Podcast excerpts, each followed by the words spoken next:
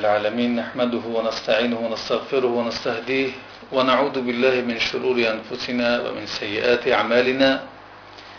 من يهده الله فلا مضل له ومن يضلل فلا هادي له. وأشهد أن لا إله إلا الله وحده لا شريك له وأشهد أن محمدا عبده ورسوله. أما بعد سورة لیل سوره لیل در مکه نازل شده و داروی 21 آیه می باشد.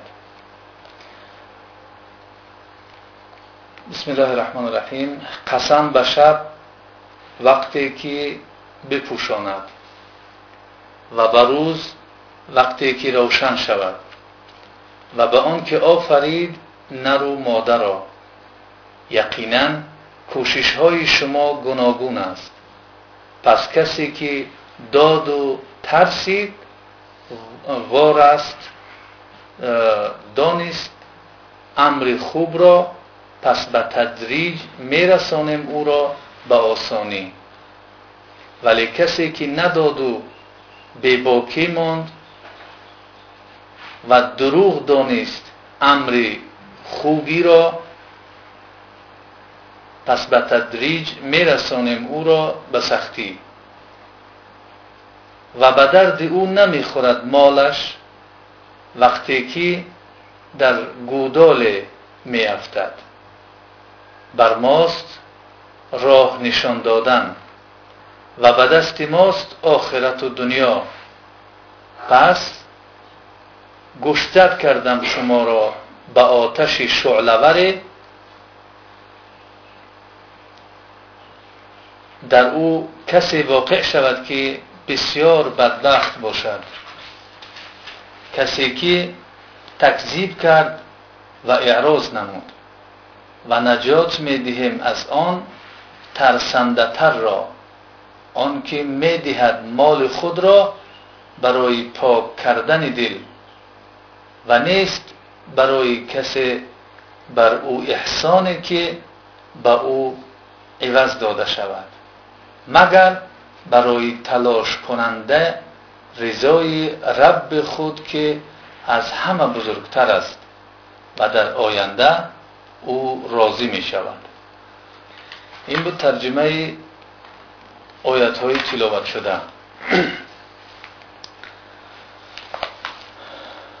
خب این سوره اصلا بر یک, بر یک صورت مقابل گذاری ها نهاده شدگی هست و در رفت تفسیر معلوم می شود فقط این چیز رو از اول شما در خاطر بگیرید که خداوند قسم می‌خورد به شب و قسم می‌خورد به روز و میگد که من آفریدم و قسم می‌خورد به آفریدهش نر و ماده و درباره اعمال می‌گوید که آنها گوناگون هستند و عملها را بیان می‌کند که کسی که می‌دهد و تقوا می‌کند و کسی که بخل میورزد و استغنا میورزد و بباکی می‌کند اینها با همدیگر مقابل هستند و برای یک گروه آسانی را می‌دهد و برای یک گروه سختی را می‌دهد و مسیر و جزای آنها را نیز بعد از این معین می‌کند که یکی جای او دوزخ و دیگر جای او بهشت است. یعنی سراپا این سوره به یک صورت عجایب نهاده شده است که وقتی که شب را گفت و روز را گفت شب یک چیزی تاریک است که همه را آن چیزی که دیده می شود آن را می پوشاند و روز یک چیزی هست که آن همه چیزهای نمیدیدگی را به تجلی می آورد آنها را دیده می شود. و این چنین نر و ماده که اینها به همدیگر متقابل هستند. худованд инҳоро чикор кард? Чизҳои ба ҳамдигар муқобилро дар ин ҷо ҳам дар вақти қасамхӯриш ва ҳам дар офаринишиш ва ҳам инсонҳоро вобаста ба амалҳошу ба ду гурӯҳ ва ду қисми ба ҳам мутақобил тақсим кард. Хулосаи тафсир. Қасам ба шаб вақте ки он хуршед ва рӯзро мепӯшонад. و قسم به روز وقتی که آن روشن شود و قسم به آن ذاتی که او نر و ماده را آفرید. مقصود از آن الله تعالی است. در آینده جواب قسم است که یقینا جواب قسم همین است یقینا کوشش های اعمال شما مختلف است. خداوند قسم می‌خورد که عملهای شما مختلف است. شما یک عمل ندارید. انسانهایی هستند که در عمل خوب هستند و انسانهایی هستند که در عمل بد هستند. انسانهایی که در عمل خوب هستند گاه از اونها عمل کاملا خوب سر می‌زند و به انسانهایی هستند که بعضا از اونها کارهای ناخوب سر می‌زنند. و امثال اینها که در آینده باز میاد و همچنین ثمرات آنها هم مختلف می شود یعنی نتیجه آنها آن عملی که می‌کنید هر یک عمل نتیجه دارد میوه دارد. ثمره آنها هم مختلف و گوناگون می باشد پس کسی که در راه خدا مال داد و از خدا ترسید و سخن خوب یعنی دین اسلام.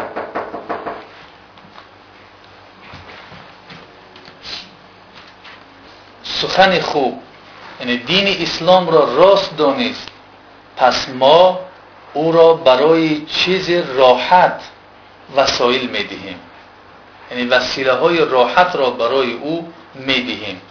مراد از چیز راحت اعمال نیک و به واسطه آن جنت است که سبب سیر و محل آن است. بنابراین یسرا گفته شد. وگرنه معنی آن است چیز آسان. یعنی معنی یسرا چیزی آسان است. ولی که اینجا مراد و چیز آسان همون اعمال نیک است که برای او انجام دادن کارهای نیک آسان میگردد و به واسطه انجام دادن کار نیک جای او به جنت محیا میگردد.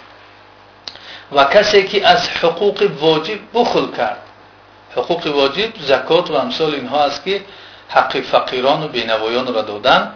از حقوق واجب بخل کرد و به جای ترس از خدا از او بیپروایی کرد. یا اینکه گمان کرد که من احتیاج به ثواب او ندارم. یا اینکه اصلا به خدا بنیازیش اقرار کرد. و به نعمتهای دنیا اکتفا کرد و از بهشت نعمتهای بهشت بنیازی کرد. که من احتیاج ندارم گفته و سخن خوب یعنی دین اسلام را تکذیب کرد یعنی دروغ شمارید و قبول نکرد پس ما او را برای چیزی مشقت آور وسایل می‌دهیم. مراد از چیزی مشقت آور اعمال بد و, سبب و به سبب آن دوزخ است که محل و سبب عسر است. یعنی که انسانهای بدکردار انسانهای گناهکار اینها وقتی که دین را قبول نمی‌کنند و در راه خدا حقوق واجبه را ادا نمی‌کنند و از خدا نمیترسند اون گناههایی را که انجام میتیند خداوند دیگر این راه ها را برایشون آسان میگرداند. که دیگر؟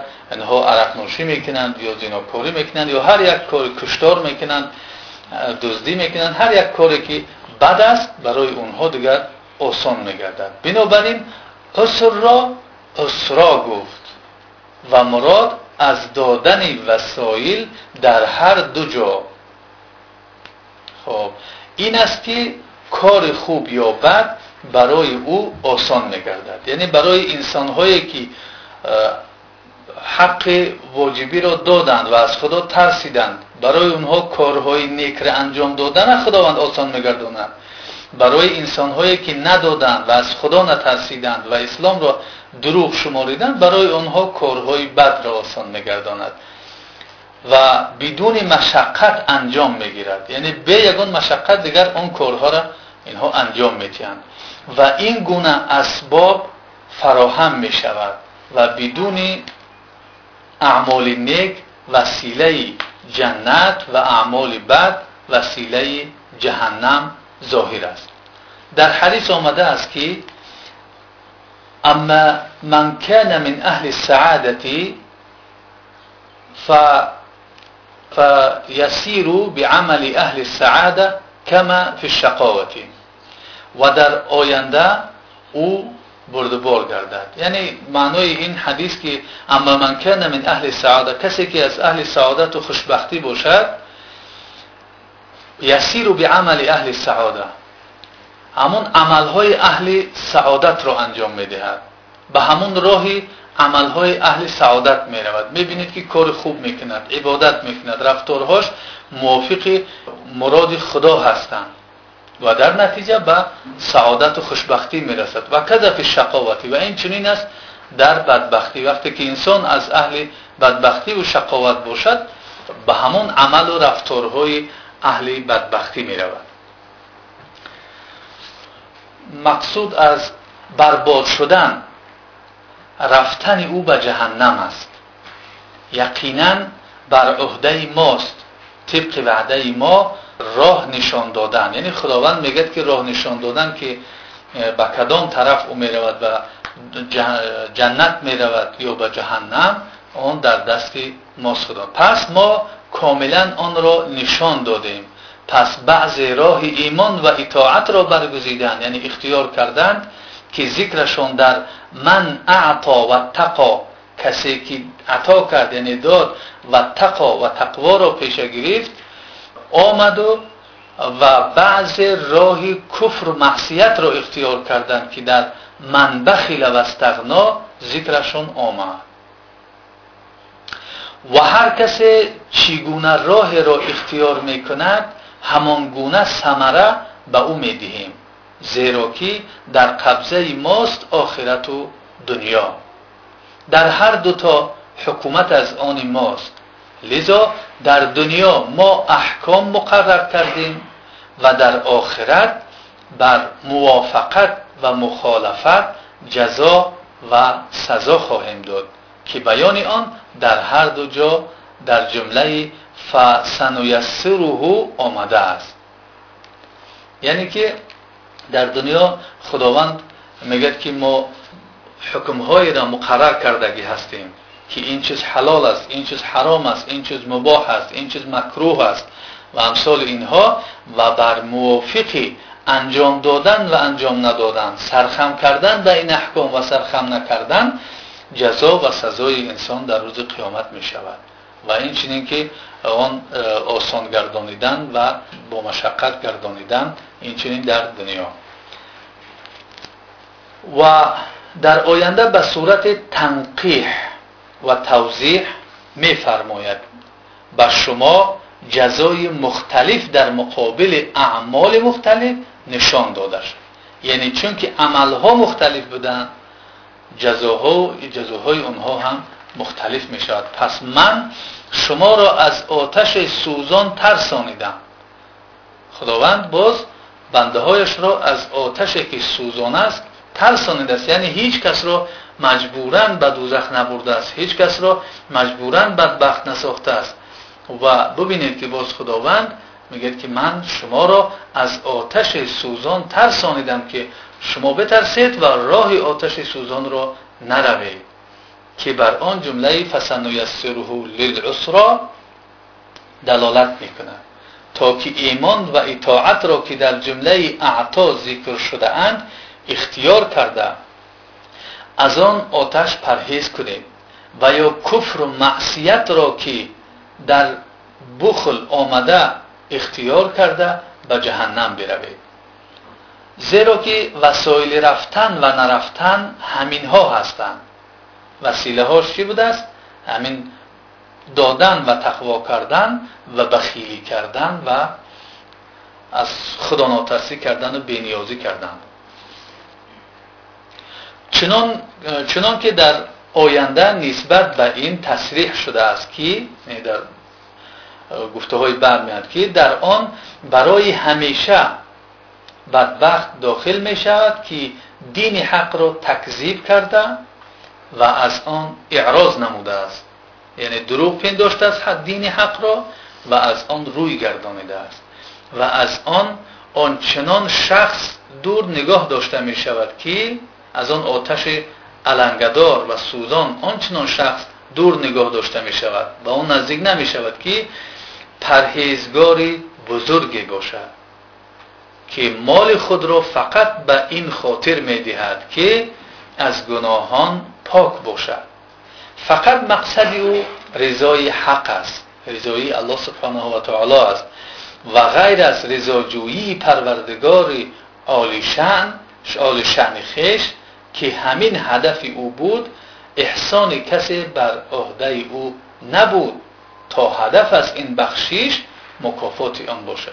این چیزهایی را که عطا می‌کند و میبخشد و صدقه می‌کند مقصدش این نبود که کسی برای او کدام وقت نیکی کرده بود است بعد این نیکی اون کسا را میگردونده باشد. نه مقصد این فقط رضای الله سبحانه و تعالی را یافتن است. در این نسبت در این نسبت به اخلاص مبالغه فوق العاده به کار رفته است. در اینجا درباره اخلاص بسیار مبالغه بلند استفاده شده است زیرا. مکافات به احسان کسی اگرچه در حد خود امر مستحب افضل و موجب ثواب است اما در فضیلت مساوی با احسان آغازین نیست. پس وقتی که انفاق آن کس در راه خدا از آن هم پاک است پس از آمیزش با ریا و معاصی دیگر و در جهاد پاک خواهد بود و این کمال اخلاص می باشد. یعنی انسان های دیگری هستند که ممکن است که می بخشند مثل این کس ولیکن در برابر بخشیدن آنها خود نمایی می‌کنند و دیگر معصیت های را انجام میتیند یا اینکه آن چیزی را که بخشش می‌کنند اون ناپاک است به اون چیزهای حرام آمیخته شده گرد و نسبت به چنین شخصی قبلا نجات از جهنم آمده بود. در آینده بحث از نعمتهای آخرت می آید که این به زودی خوشحال خواهد شد. این شخصی که بخشی عطا کرد و خالص برای خدا در آخرت به چنان نویل میگردد که در اثر آن شادمانی همیشگی نصیب او خواهد شد. معارف و مسائل. این سعیکم لشتا. این چنان جمله است که در سوره انشقاق آمده بود. ولی بود میآید در سوره انشقاق که انک کادحون الى ربک کدحا. یعنی که تو به سوی پروردگارت مشقت کشنده هستی که تفسیرش قبلا گذشت. منظور این که انسان طبعا برای انجام کار به سعی و کوشش عادی است. سعی و کوششش عادی است ولی بعضی مردم در سعی و کوشش به فکر راحت دائمی هستند. و بعضی دیگر با این سعی و کوشش عذاب دائمی را می‌خرند چنانه که در حدیث آمده است که هر کس به هنگام صبح وقتی برمیخیزد به یک نوع معامله مشغول می شود یعنی هر انسان وقتی که صبح میخیزد به یک کار مشغول می شود یک کار را انجام می دهد بعضی در آن معامله پیروز شده خود را از عذاب آخرت رها می سازند بعضی دیگر به گونه می باشد که زحمت و کوشش او سبب حلاکت او قرار می گیرد بعضی انسان ها کارشان این است که سبب نجاتشان می شود از عذاب رها می یابند بعضی دیگر زحمت می‌کشند کوشش می‌کنند و این زحمت و کوشش های اونها سبب حلاک او قرار می‌گیرد. کار خردمندی این است که نخست مردم سرانجام کار خود را در نظر بگیرد.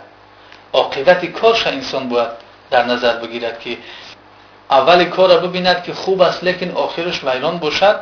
این از خردمندی نیست. انسان خردمند کاری را می‌گیرد که اولش چی خیلی باشد نتیجه آن چی؟ پیروزی و کامیابی باشد.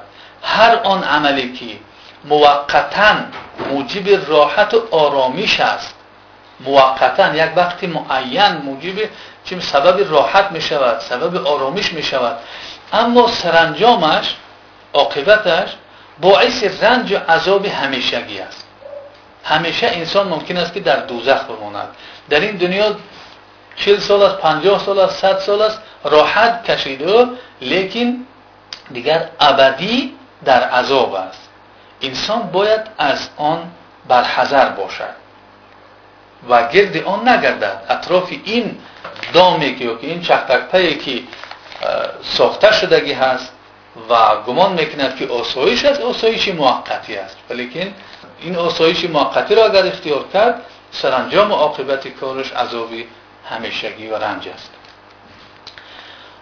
مردم به اعتبار سعی و عمل دو گروه هستند. این چیزی مهم است. دو گروه بودن این مردم وابسته به سعی و عملشون بسیار کسان میگن که دل انسان پاک باشد می شود اینجا همین جواب خوبه برای این گونه مردم است.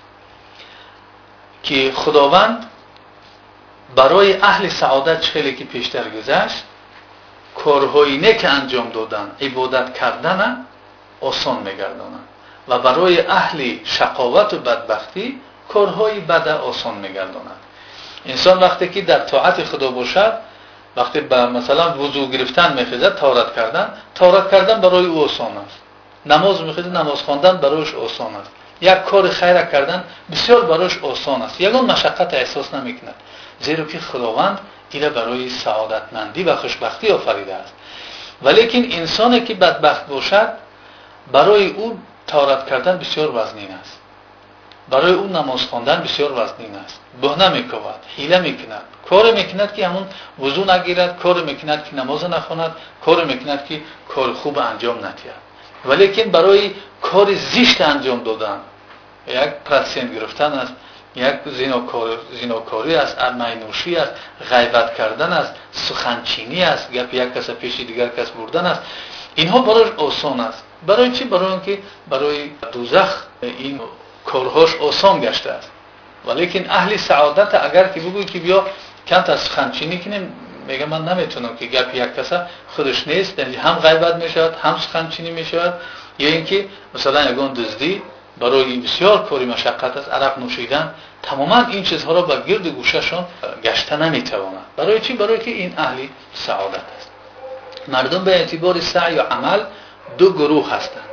در آینده قرآن حکیم مردم را از جهت سعی و کوشش به دو گروه تقسیم نموده است و برای هر یک سه صفت ذکر کرده است.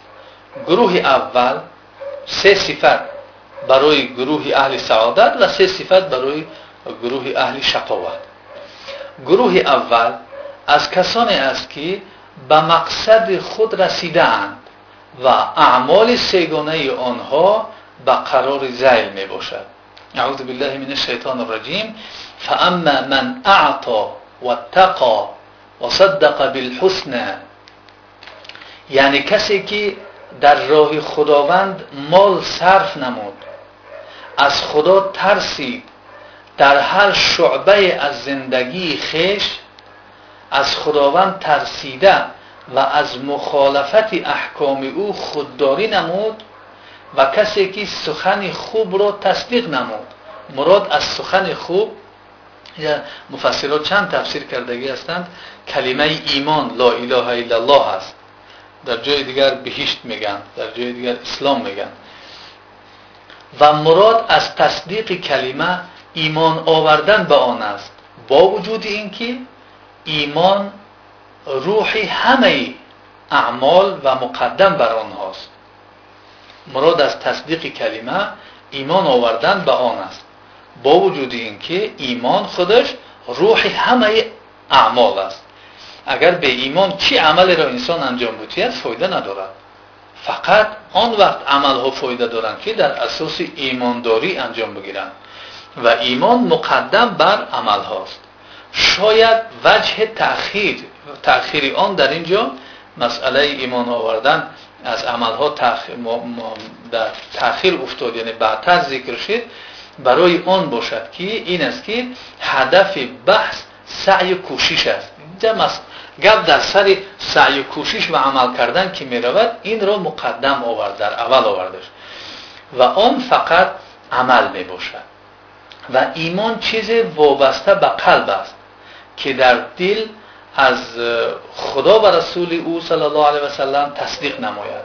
سپس به زبان با گفتن کلمه شهادت اقرار نماید. با دل اون را تصدیق می‌کند و به زبان اون شهادت را کلمه شهادت را اقرار می‌کند. و در بجا آوری این دو امر تصدیق به دل و اقرار به زبان نیاز به هیچ زحمت و مشقت نیست. و نه کسی این را شامل فهرست اعمالی قرار داده است. یعنی که تصدیق کردن به دل و گفتن به زبان این را کسی عمل نگفته است. عمل اون مثلا دادن یک سری وضو گرفتن نماز خواندن اینها را عمل میگن. ولیکن اون چیزی که در دل انسان میگذرد تصدیق و اون چیزی که به زبان میگن این را عمل نگفتند و در فهرست و مندرجه عمل ها این را خوش کردگی نیستند این چیزی ایمانی است. از گروه دوم نیز سه عمل ذکر فرموده است. یعنی که از اون گروه شقی ها و بدبختان. و اما من بخل و استغنى و کذب بالحسن یعنی کسی که از صرف کردن مال در راه خدا بخل ورزید که از ادای زکات فرض و صدقات واجب خودداری نمود و به ترس از خدا و توبه به سوی او و اختیار نمودن اطاعت و فرمانبرداری او بینیازی و اعتنایی نمود. یعنی که من احتیاج ندارم گفته و سخن خوب یعنی کلمه ایمان را تکذیب کرد. کلمه ایمان را قبول نکرد و دروغ پنداشت. در حق گروه اول از این دو گروه فرمود خب نتیجهش چی می‌شد؟ برای گروه اولین است که فسنیسره لیلیسرا معنای لفظی یسرا آسان و آرام است. یسرا معناش آسان و آرام است. یعنی آنچه در آن مشقت نباشد. مقصود از آن بهشت است. همچنین در مقابل به آن نسبت به گروه دوم فرمود فسنیسره للعسرا. معنای لفظی عسرا مشکل و مشقت و سختی است. یعنی چیز مشقت بار دشوار و مراد از آن جهنم است.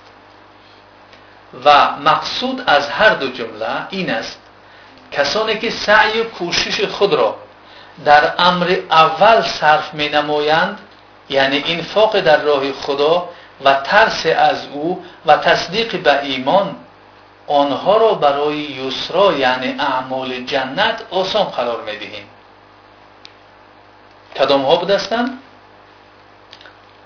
خب یعنی انفاق در راه خدا می‌کرده است نفقه کردن در راه خدا بخشیدن در راه خدا و ترس از او و تصدیق به ایمان. این سه عمل.